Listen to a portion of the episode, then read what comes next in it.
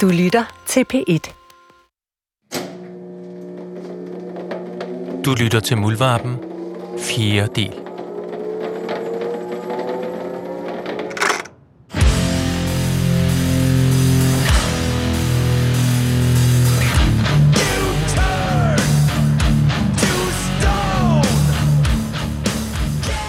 Jeg har sådan en, øh, en ting, jeg gør inden.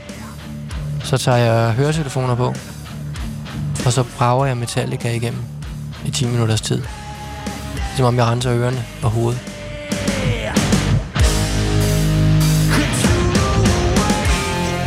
Musikken får mig til at jeg vil sige, slappe af på en eller anden måde. Og så tænker jeg bare, nu, nu er det Alejandro, nu er det, nu er det Nordkorea. Det er som om den der musik, den bare kan nulstille mig. Og det har den altid gjort.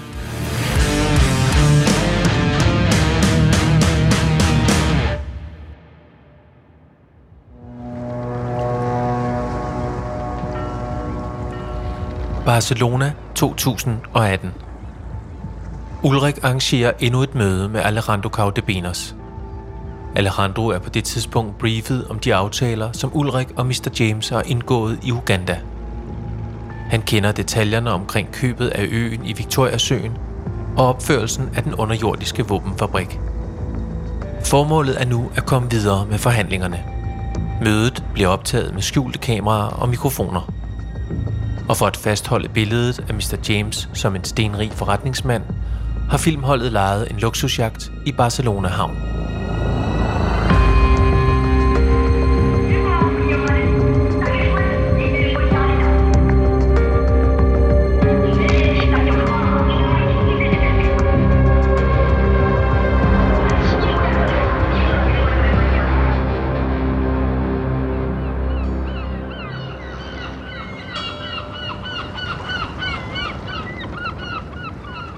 Jagten er, er rimelig stor. Den er i flere dæk. Når man kommer ind fra marinaen af, så kommer man op på øverste dæk, hvor der er en, øh, en mindre motorbåd øh, på båden. Der er et, et lækkert rundt bord og en hjørnesofa, og der er en jacuzzi, og så kan båden styres deroppe fra. Vi har så fået to øh, meget store mænd til at være bodyguard for, for James.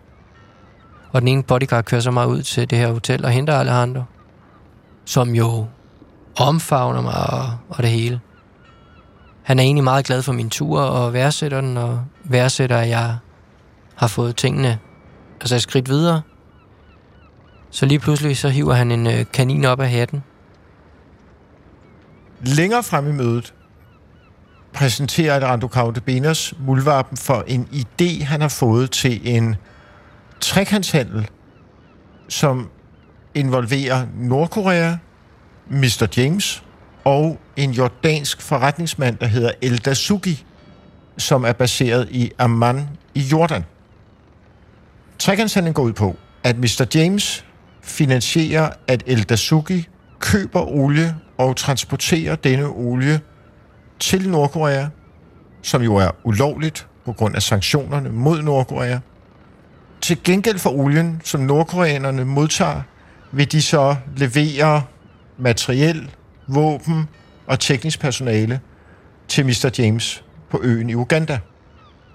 Mr. James han forhandler så de varer, han kommer i besiddelse af, og for det finansierer han et yderligere køb af olie til Dasuki, som så sender det til Nordkorea, som så leverer flere varer til Mr. James på øen, og så fremdeles. Altså en klassisk trekantshandel, et olie for våbenprogram, kan man kalde det. Hasram El Dasuki er til synligheden en forretningsmand. Han køber og sælger olie og alle mulige andre ting, og så har han et nærende ønske om at drive business med Nordkorea. Og derfor kommer han ind i den her ligning. Derfor bliver det besluttet, at Mr. James og Muldvarpen skal til Jordan for at besøge El Dasuki og finde ud af, hvad han er for en. vi bliver jo selvfølgelig nødt til at lave nogle forberedelser her. Vi bliver nødt til at have sikkerheden i orden, og vi bliver nødt til at forberede os så godt som muligt. Og så fik jeg navnet på en tidligere oberst i den jordanske hær, efterretningsmand, som nu driver sin egen sikkerhedsvirksomhed.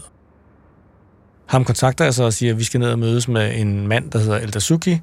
Er du den rigtige til at hjælpe os med lige at få lavet et baggrundstjek på ham, og til at hjælpe os med sikkerhed, og, og alting nu er så smooth, når vi er i Amman? Og han vender tilbage og siger, at det kan han sagtens, og han har forbindelserne i orden, og jeg kan så se fra vores øh, konsulenter herhjemme, at øh, han er altså de voucher for ham og siger, at han er en god mand, vi kender ham for operationer, vi har været med på, ham kan I stole fuldstændig på.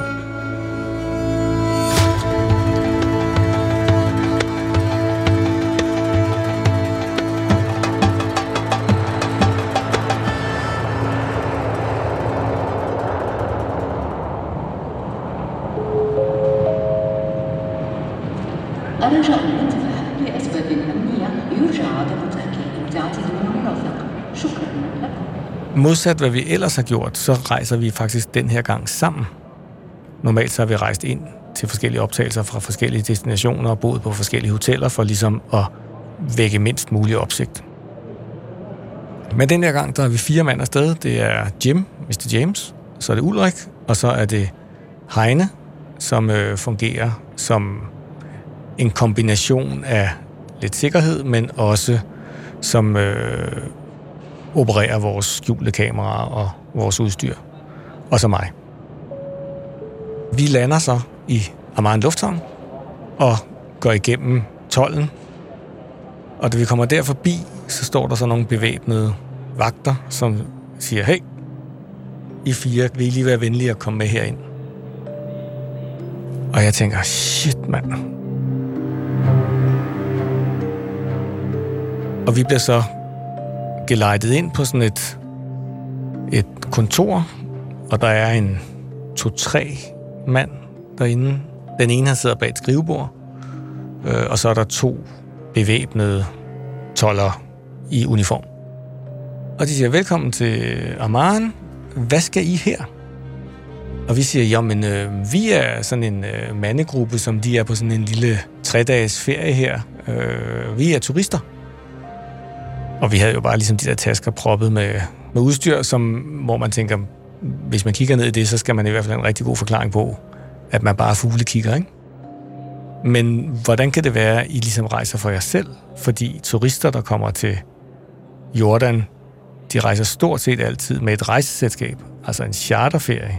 Og I rejser jo altså som privatpersoner, eller I rejser på almindelige billetter. Og der kunne jeg godt mærke, så begyndte det sådan lige at... Altså, der skulle man til at, at tænke dybt for, hvad er det for en forklaring, vi giver her? Så sker der det, så ringer hans telefon.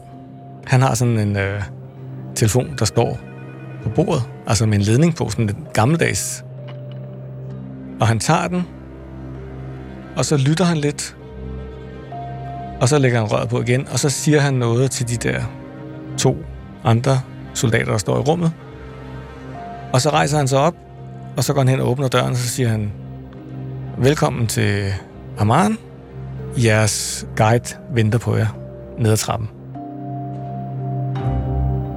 Og så går vi ned ad trappen, og dernede står så den her mand, som jeg har talt med og skrevet mails med, som skal tage sig af os i de næste 3-4 dage. Og det viser sig så. Han er jo sådan en efterretningsmand, som ligesom virkelig har forbindelserne i orden. Og det var ham, som ikke kunne forstå, hvor vi var blevet af, for han kunne se, at vores liv var landet. Og så han ringet derop og sagt et eller andet til dem, som bare gjorde, at vi skulle hurtigt igennem.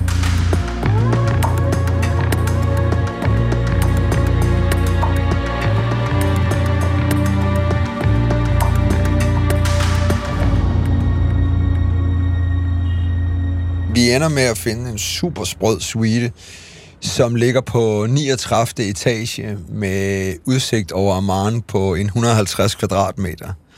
Med panoramavinduer. Altså, når du sidder i sofaen, så sidder du altså 39 etager og kigger ud over en by, som ikke har nogen højhus. Øh, altså, du kigger nærmest bare sådan into the desert. Så der beslutter vi, at jamen, det, er, det er her, at, at, at mødet skal, skal foregå. Den fikser vi har med. Den ringer og siger, at nu sidder han her. Jeg kører så ned for 36. etage eller sådan noget med elevatoren. Igen med min knapholdskamera. Og jeg når kun lige rundt om hjørnet. Så rejser han sig op. Siger, at lad os gå op og besøge James. I elevatoren op til Mr. James' suite udtaler han sig meget positivt om Alejandro Crowder-Benas. Så øh, følger øh, det første møde mellem Eldasuki og Mr. James med muldvarpen på sidelinjen. Welcome, take a second. Nice to see you. Charlotte, and uh, just for me to understand the, the kind of business. Og så kommer Mr. Dasuki ind, meget furet øh, ansigt, markeringer efter tidligere akne, øh, dybliggende øjne. Øh, altså, han, han kunne ikke have været castet bedre som skurk. Yes. My business now, I need you tell? Og undervejs i det forklarer Aldersurki, hvordan han gør. Hvordan han forfalsker papirerne på de både, som sejler, altså de der olieskibe, som sejler øh, olien til den koreanske halvø. Hvordan de nogle gange bliver nødt til at laste olien om i Rumsø, fordi at man ikke må kunne genkende bådene og navnene, og de bliver jo øh, satellitovervåget osv. osv. Han giver hele opskriften på, hvordan han gør. Og han siger jo, at det skal I slet ikke bekymre jer om. Jeg har fuldstændig styr på det. I skal bare sørge for at levere penge.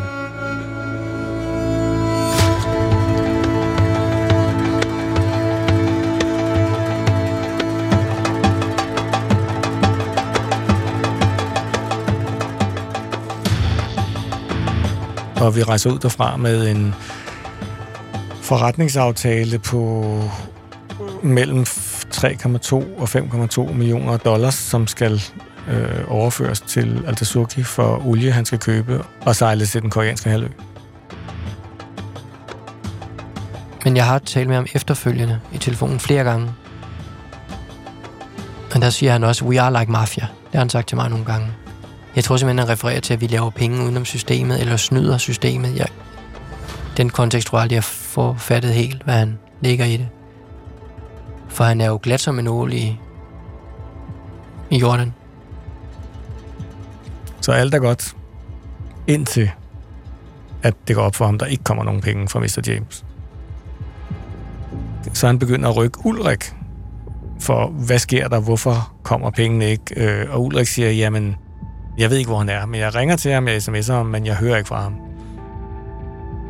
Aldersurki, han bliver mere og mere ej og skriver lange, rasende beskeder på WhatsApp til Ulrik, og han på et tidspunkt siger han også, at nu vil han kontakte en advokat, som skal lægge sag an mod Mr. James for at have brudt kontrakten. Indtil det så går op for ham, at kontrakten jo er hammerne ulovlig, så han skriver så videre til Ulrik, ah, jeg holder lige igen med det der med, med advokaten, fordi det er nok ikke så godt, hvis det kommer frem i lyset der.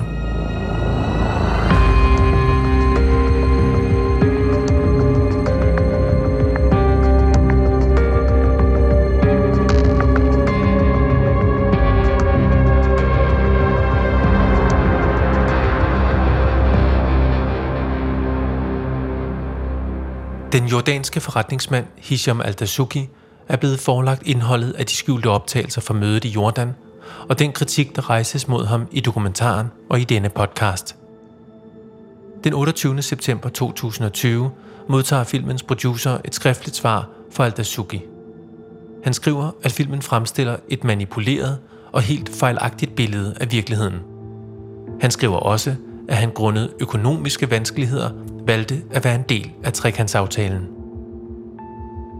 KFA's præsident Alejandro Cao de Benos er også blevet forelagt indholdet af de skjulte optagelser og den kritik, der rejses mod ham i dokumentaren og i denne podcast. Han afviser ligeledes kritikken og mener, at serien er manipuleret og usand, og afviser at medvirke eller give interview.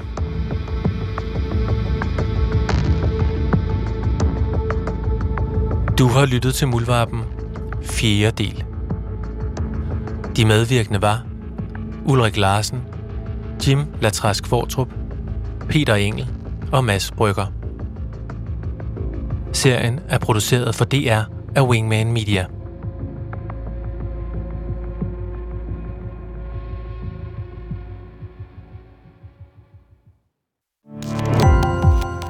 Gå på opdagelse i alle DR's podcast og radioprogrammer. I appen DR er Lyd.